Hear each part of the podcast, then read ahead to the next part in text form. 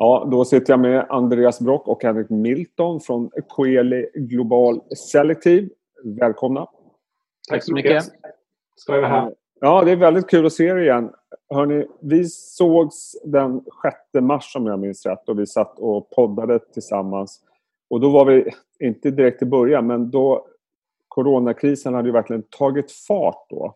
Och vi såg en kraftig nedgång fram till 20-21 mars och sånt där. Så det har ju hänt en del. Era reflektioner kort bara om det vi har upplevt. Är ni överraskade eller hur känner ni? När det gäller corona så är självklart alltså, som aktieanalytiker så är det jättesvårt att förutspå det. Jag tror vi alla har utvecklats till immunologer och, eh, och försöker utvärdera det här. Liksom. Men eh, eh, för oss som är aktiva förvaltare så har det här ju varit en möjlighet också. Vi har lyckats tjäna mycket pengar på, vad, eh, vad vi kallar special situation aktier, aktier där vi kanske inte äger så, så jättelänge men vi har lyckats tjäna bra med pengar på de aktierna och många av våra champions har också gått väldigt starkt. Uh, vi har en diversifierad portfölj av olika värdedrivare och allt har ju inte fungerat i den här uh, krisen såklart men andra saker har fungerat väldigt väl. Henrik? Det jag är imponerad över det är ju hur snabbt det har kommit tillbaks. Och som sagt om man tittar på det stora indexet eh, MSCI World och, och så vidare, Nasdaq, så är de populerade med väldigt bra företag som har en exponering mot tech och datacenter. Vi kommer komma in på det sen gissar jag. Så att, eh, jag, jag är imponerad över snabbheten i återgången. Faktiskt. Om jag frågar, jag kan börja med dig Andreas. Eh, har ni varit mer aktiva under de här månaderna än vad ni brukar vara? Eller har ni liksom varit lite mer lugnare omsättning i portföljen? Nej, men vi, vi har varit mer aktiva och det är vi ofta när, när, när det är väldigt starka kursrörelser både uppåt och nedåt så är vi mer aktiva. Vi brukar säga att jag och Henrik vi har, vi har betalt för att må dåligt. Eh, våra andelsägare ska kunna koppla av och veta att vi är på bollen och eh, jobbar mer, mer, ännu mer än vanligt eh, när, när det är så här volatilt. Så vi, vi har varit aktiva. Vi, um, en aktie vi köpte um, när det skakade som mest var i Amazon. Mm mycket går väldigt bra för Amazon, både datacenter och e-handel. Men aktien var ner 20% Vi gjorde det till en av våra största positioner i fonden och det har varit en väldigt lyckad investering. Nu hämtar vi hem pengarna. Så att volatilitet är ju tillfällen där vi, där vi jobbar extra mycket och det leder ju indirekt till lite mer handel i, i eh, portföljen. Rent allmänt så sitter vi ju väldigt stilla i båten men, men eh, man kan ju passa på att tjäna lite extra pengar. Och eh, när vi pratade så var det mycket fokus på att ni ville ha bolag med eh, kassa. Ni mm. ville ha eh, bolag som eh, gärna digitala betalningslösningar. Vi kommer tillbaka till det. Eh, är det någonting i portföljen som ni har känt att ni har valt att minska i för att ni tycker att det liksom inte riktigt passat in i den här nya världen? Jättebra fråga. Ska jag ta den? Eller? Ja, kör du. Ja. Det vi gjorde först ganska tidigt i den här covid-krisen, det var ju egentligen att vi tog ju pengar från våra fastighetsbolag och sen så köpte det som hade blivit billigare. Vi var lite tidigare in där, det skulle kunna varit lite senare in. Men eh, sen har vi då minskat ner rätt mycket på emerging markets ganska tidigt. För att det vet vi att när det, när det smäller till så får emerging markets mycket stryk. Så har vi dragit ner det. Vi har även minskat en del eh, företag med psykisk exponering. Vi har sålt ut till exempel Brembo, det har vi ägt tidigare. Vi har sålt ut IMCD också, som också är ett cykliskt företag och så vidare. Men den har ju kommit tillbaka väldigt kraftfullt. Så när vi väl gjorde en exit på den så var vi nästan på all time high, all time high igen. Och, och under den här uh, volatila marknaden, vad, vad har varit det bästa respektive sämsta bidraget i portföljen? Vi kan börja med det som kanske har tyngt mest. Det som inte har fungerat på min sida då, det är ju betalningssidan. Där då. Där är det, det är ju det, det, det, minskande resandet som har slagit mot kreditkortsbetalningar, taxfree-handel och hotellövernattningar och sådant. Det har ju nästan upphört att existera. Så att det har varit en, en jobbig del, men sen är det ju väldigt starka fina bolag med otroligt ja, fantastiska betal eller affärsmodellen som gör att de har hållit emot hyfsat ändå. Så att eh, e-handel till exempel har ju stigit väldigt kraftigt och vilket har gynnat de här amerikanska ja. betalningsbolagen. Men däremot eh, kreditkort, debitkort har varit okej. Okay, ska säga. Det har gått ner men det har varit okej. Okay. okay. Och eh, Andreas, om man tittar på det som har gett best performance-portföljen. Jag vet att du och jag och vi pratade om Carell eh, förra gången. Hur har det gått för den? Uh, Carell är uppe i år. Alltså, Europa är väl ner nu 20 procent. Carell är upp en 8-9 i år. Så det har varit en väldigt uh, positiv bidragsgivare. Uh, vi har ett samtal med företaget nästa måndag och med, men har redan varit i kontakt med dem nu. Och de säger ju att under första halvåret så kanske minskar omsättningen med ett par, tre procent. Det är i den häraden. Liksom. Så när du har företag med så enormt starka drivkrafter uh, som Carell har så, så, går, så går de drivkrafterna igenom till och med en sån här kris. Och sen på din första fråga där, det stämmer. Vi gillar ju företag som har extremt starka balansräkningar. Just det. Vi kan ju få mycket kritik för det ibland. Liksom. Eh, ska man verkligen äga företag som mm. har liksom, kassa på balansräkningen? Ja, för att man vet aldrig vad som händer de närmsta 12 till 18 månaderna. Men, men har ett företag liksom nettokassa så kommer ju aktien att klara sig bra och företaget kan ju vara mycket mer opportunistiskt. Och, och det här är väl också en period då vi det har verkligen varit kassans revansch. Vi pratade om det tidigare hur man kanske eh, beklagar sig över bolag som satt på för mycket pengar men nu har det helt plötsligt blivit kanske den finaste tillgången att ha under de här perioderna. Precis, och det är en, en av anledningarna till att fonden har klarat sig så väl. Och eh, om vi tittar, vi går tillbaka lite grann på det här som du pratade om Henrik med Visa och Mastercard. För det har ju varit en hel del, jag vet att ni gillar digitala betalningslösningar. Mm, mm. Eh, och tittar jag på kursgrafen över de här två aktierna så nej, det, det, har inte gått så bra som de här riktigt techbolagen och sitta hemma aktierna. Men det är ändå runt nollan så relativt sett ganska bra. Vad kan man annars säga om de här aktierna? För när jag tittar på till exempel Mastercards rapport så är onlineförsäljningen, precis som du var inne på, jag tror den var upp 40 procent. Mm. Eh, mm. vilket känns ju väldigt starkt ändå i en sån här marknad. Hur ser ni på aktierna från det här läget? Ja, men jag tänker om man eh, drar ut det eh, till en 12 månaders tidshorisont mm. så är jag ju rätt säker på att kreditkorten kommer komma tillbaka. Debitkorten kommer tillbaka. Och det har blivit ett, ett genombrott till för e-commerce skulle jag ja. säga, där elektroniska betalningar kommer att fråga. Så att jag tror att de här företagen kommer komma tillbaks och de kommer komma gå stärkta ut för att de kommer få en, en add-on på elhandel. Så ja. Och apropå digitalisering, så jag vet att det har varit väldigt mycket fokus på det.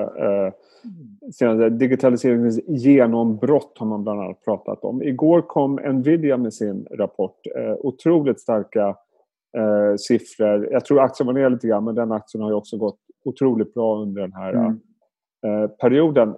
VDn tyckte jag var väldigt tydlig i sina kommentarer om att det här är en definitiv strukturell förändring vi ser och det här är ett bolag vi kommer att gynnas av, tror jag han sa, ungefär. För att förenkla lite grann. Hur, hur ser ni på den aktien? Som för övrigt det... tror jag är Jim Kramers favoritaktie. Jag tror hans ja, han, är väl döpt säger, efter. Precis. Han säger att han, eh, Johan Jensen kan göra beräkningar i sömnen, tycker han. han slår alla. Han är briljant. Ja, okay. men, men det här är en eh, aktieägare, eller? Det är en aktieägare och vi har faktiskt eh, vi har, vi har tvungna att ta ner den i två omgångar nu för den har gått så otroligt starkt. Så att vi sålde senast faktiskt igår. Okay. Men, men den pratar ju några sådana strukturella förändringar som spelar Nvidia i, i, i händerna. Och det är till exempel det här med att cloud computing ökar ju. Mm. Istället för att man har en programvara lokalt och måste göra uppdatering lokalt så har man en cloud. Då gör man liksom, förfinar man, förbättrar programmet i molnet och sen så kör man direkt mot molnet. Eh, och sen då så berättade man också under konferenssamtalet att, eh, att ländernas till exempel försvarssystem måste också digitaliseras. De kan inte vara analoga längre utan man måste göra matematiska beräkningar och snabba datorer till exempel för, för att bli bättre på försvaret. Mm. Även då, inte bara just eh, ett vapenhot, men även då virushot till exempel. Och sedan då ett bolag som vi har ägt tidigare som heter Teamviewer då, som vi faktiskt nu har sålt. Där, det, det är ett bolag som har som en affärsidé att man kan arbeta remote. Man har en, en, en maskin i en farlig miljö och sen så sitter man någon annanstans och styr med en dator. Det här pratar Nvidia också om väldigt mycket om, att just remote. Och sen faktiskt att de tror att mer personer kommer börja jobba hemifrån. Eh, det är faktiskt inte så dumt för att man kan faktiskt tänka väldigt bra när man sitter. Man har inte så mycket som stör. Så att det här är, de är precis, eh, eh, de har en sweet spot nu skulle jag säga. Intressant att se. Det är ju flera bolag som har varit ute senaste tiden, bland annat Twitter och Facebook nu senast tror jag, som har sagt att deras personal får i princip sitta hemma hur länge de vill. Att det är en total förändring i det här. Sen om det blir så i, i, i verkligheten, men uppenbart är det så. Mm. Mm, exakt. Eh, Andreas, jag tänkte att vi skulle avsluta lite grann med att titta på marknaden framöver och vad ni tror. Nu har vi haft en väldigt stark börs som jag ändå säger från 22 mars. Men eh, vi ser ju ändå lite gröna skott där ute. PMI är fortfarande svagt men det var en ganska stor skillnad jämfört med eh, april, det vi såg i maj. Hur tänker ni kring det? Jo, men där är gröna skott där ute och eh, det är väldigt viktigt att, att hänga med liksom att Kina går bra. Um, bolag efter bolag eh, kommenterar ju nu hur bra Kina går, att det är nästan tillbaka på, på de tidigare nivåerna. Och Kina är en jättestor uh, ekonomi och väldigt, väldigt viktig för tillväxten. Så 2008 så gick ingenting bra. Den här krisen så går i alla fall en av världens näst största ekonomier, till och med kanske den största om man mäter på PPP-basis, går ju starkt. Och det hjälper ju till att hålla igång maskineriet. Sen blir det ju bättre och bättre överallt. Henrik, du lyfte upp att Ryanair har dragit igång sina, ska dra igång sin trafik igen och så vidare. Så det gör ju då att det blir svårt att, att sälja aktierna. Om du då äger Adidas eller du äger någon av de här företagen som har haft det lite tuffare. Du vill ju inte sälja precis när allting börjar bli bättre. Nej.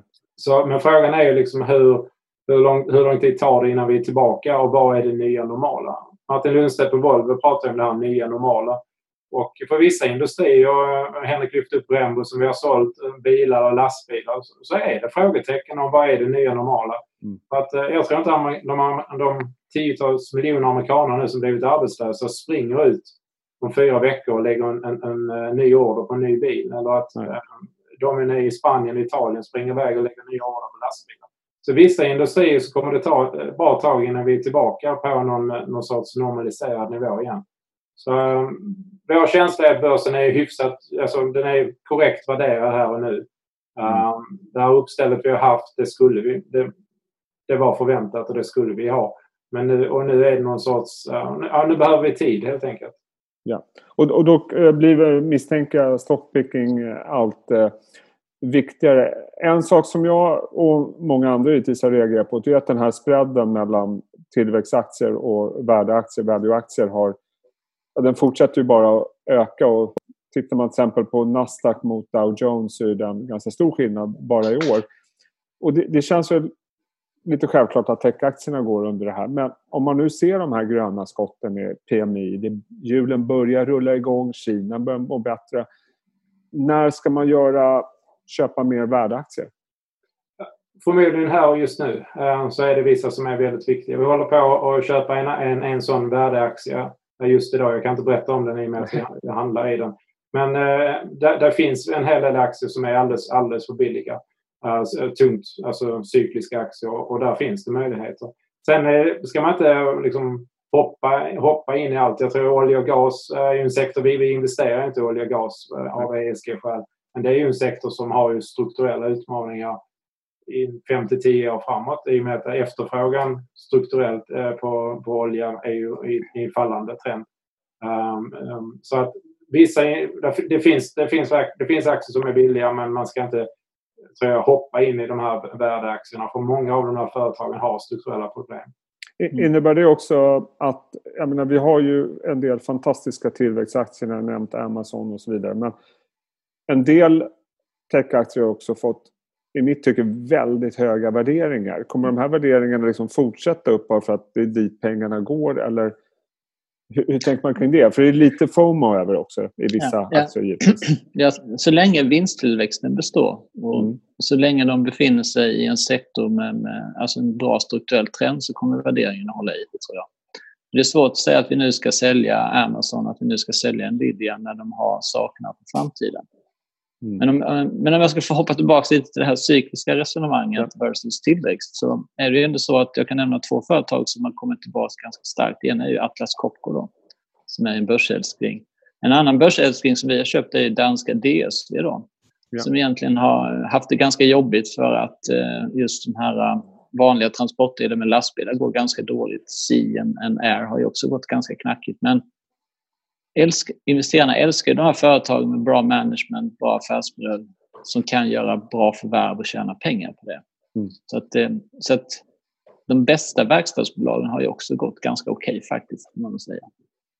Men då låter det ändå lite grann på er som ni tror ändå att eh, uppgången har varit motiverad. Nu blir det kanske lite svårare framöver och att man kanske ska nu börja titta på värdeaktier som är välpositionerade och eh, har mm. intressanta värderingar. Att man ska våga ta det bettet. För det, är fortfarande mycket pengar vid sidlinjen om jag förstått rätt enligt Bofas senaste undersökning.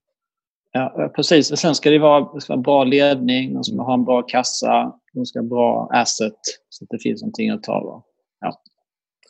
Eh, jätteintressant. Eh, väldigt kul att se er båda igen. Eh, hoppas vi hörs och ses snart igen. Och du Andreas, du har lovat mig en intervju nere i Skåne i sommar. Ja, men så jag hoppas vi kan göra någonting i, i, där, i närheten av Båstad. Absolut, det löser vi. Det löser vi. Eh, Henrik Milton och Andreas Brock, tusen tack för att ni tog er tid och eh, jag önskar er en riktigt trevlig helg. Detsamma. Tack, tack så mycket. Hej, hej.